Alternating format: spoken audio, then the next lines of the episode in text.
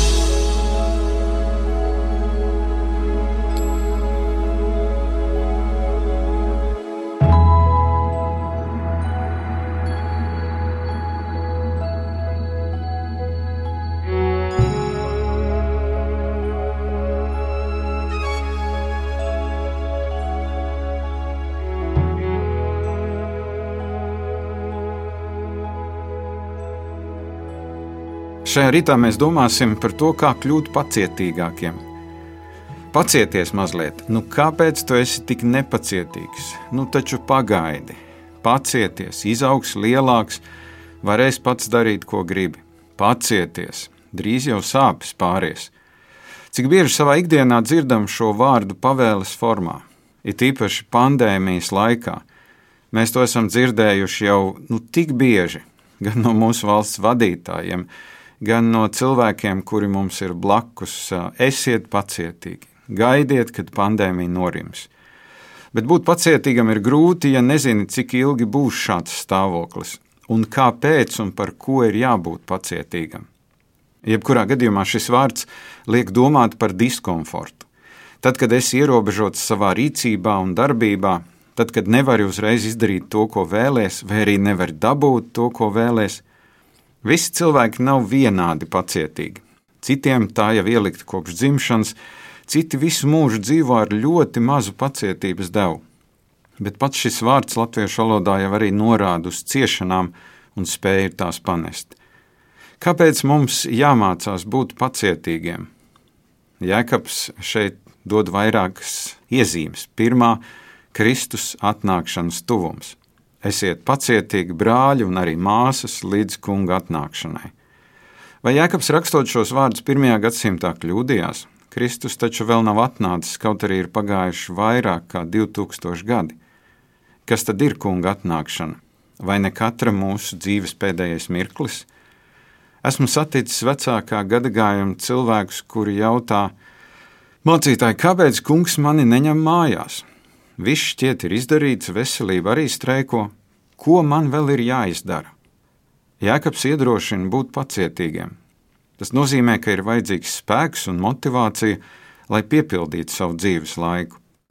Pacietība sev ietver arī spēju norimties, neplosīties, bet ļauties Dieva plānam un viņa gribai.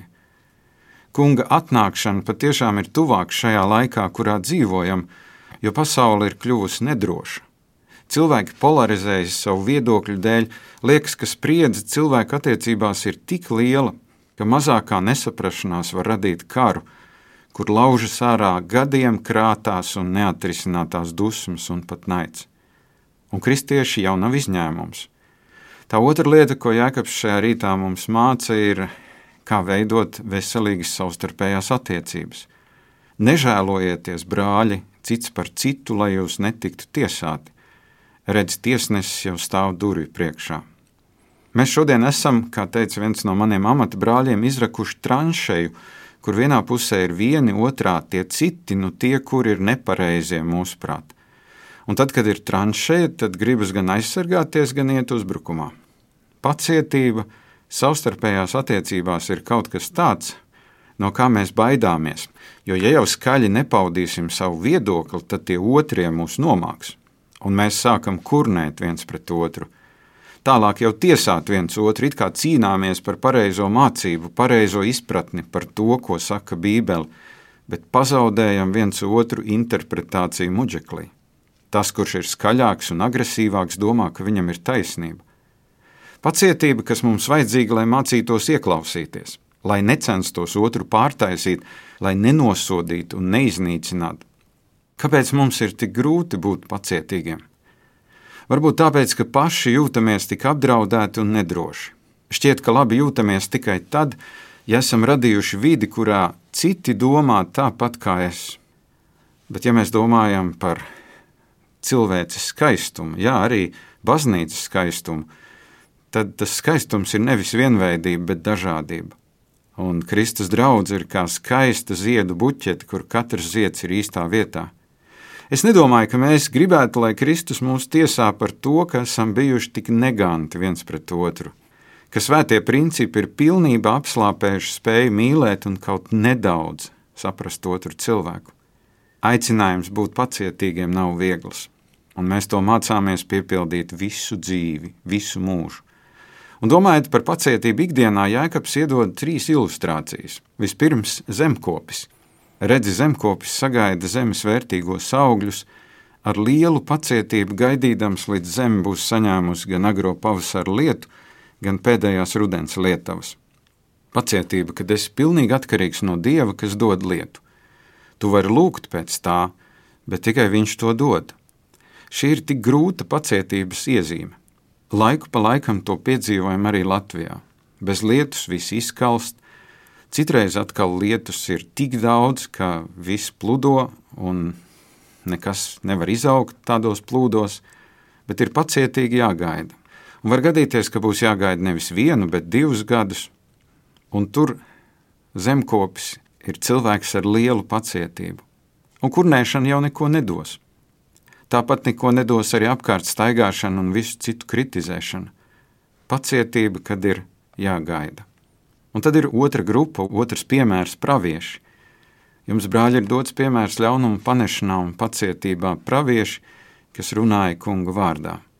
Praviešu vēsts kopumā bija tāda, ka tā nepatika tautai, kura bija atkāpusies no dieva, kura staigāja savus ceļus, tāpēc vecās derības pravieši tika arī vajāti un pat nogalināti.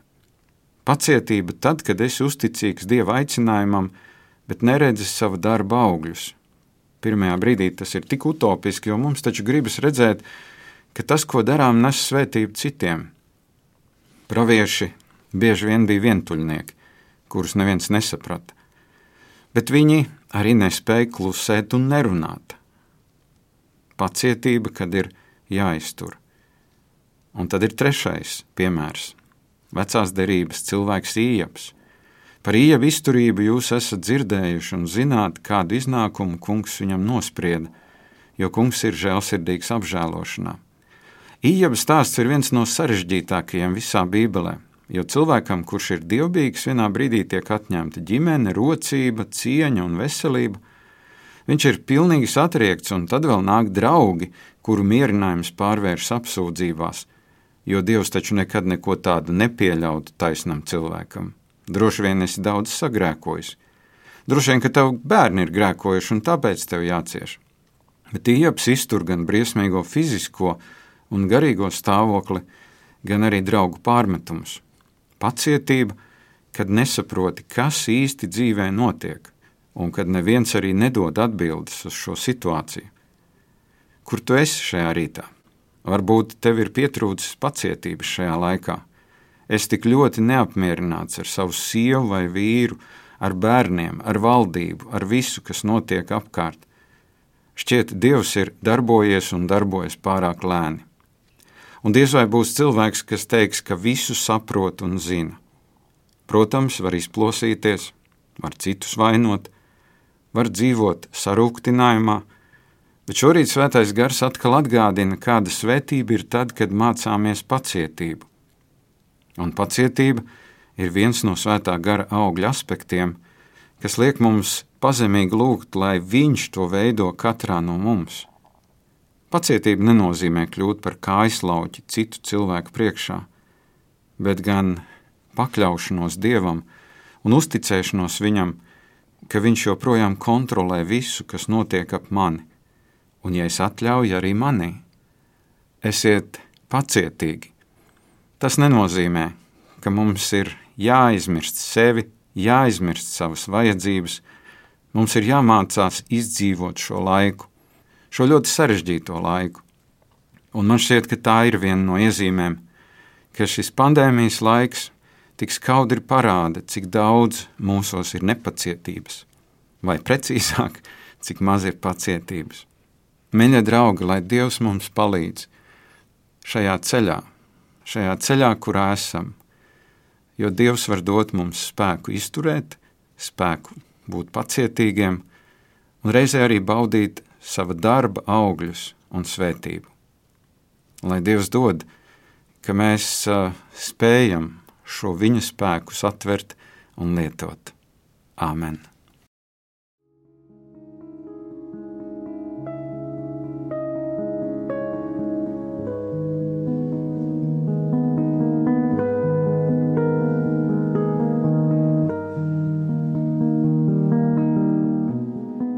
Mīļais Dievs, paldies Tev par šo vārdu.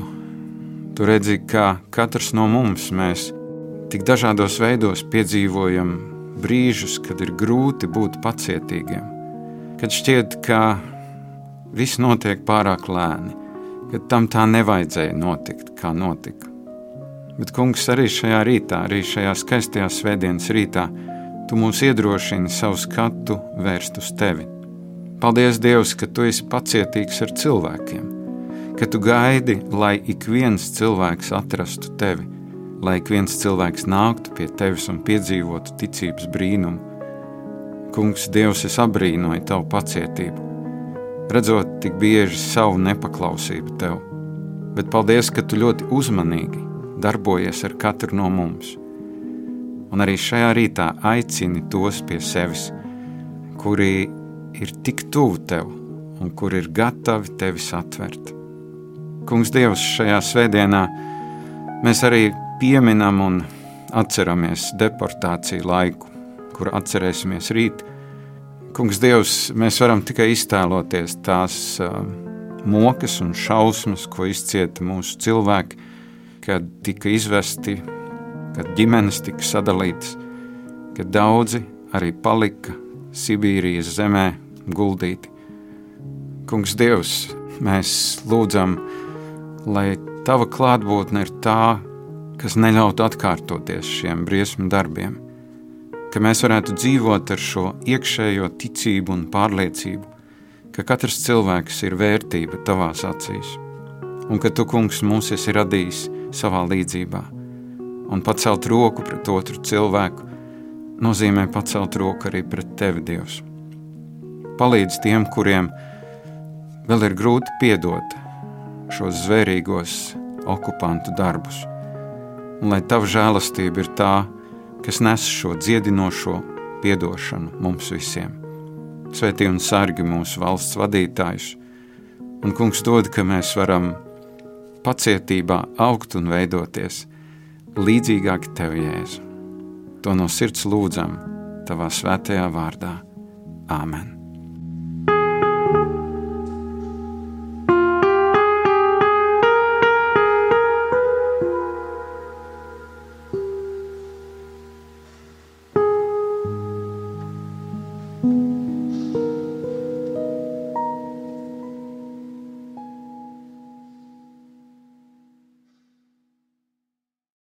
Svētrītā ar jums kopā šajā rītā bija mācītājs Edgars Maržis.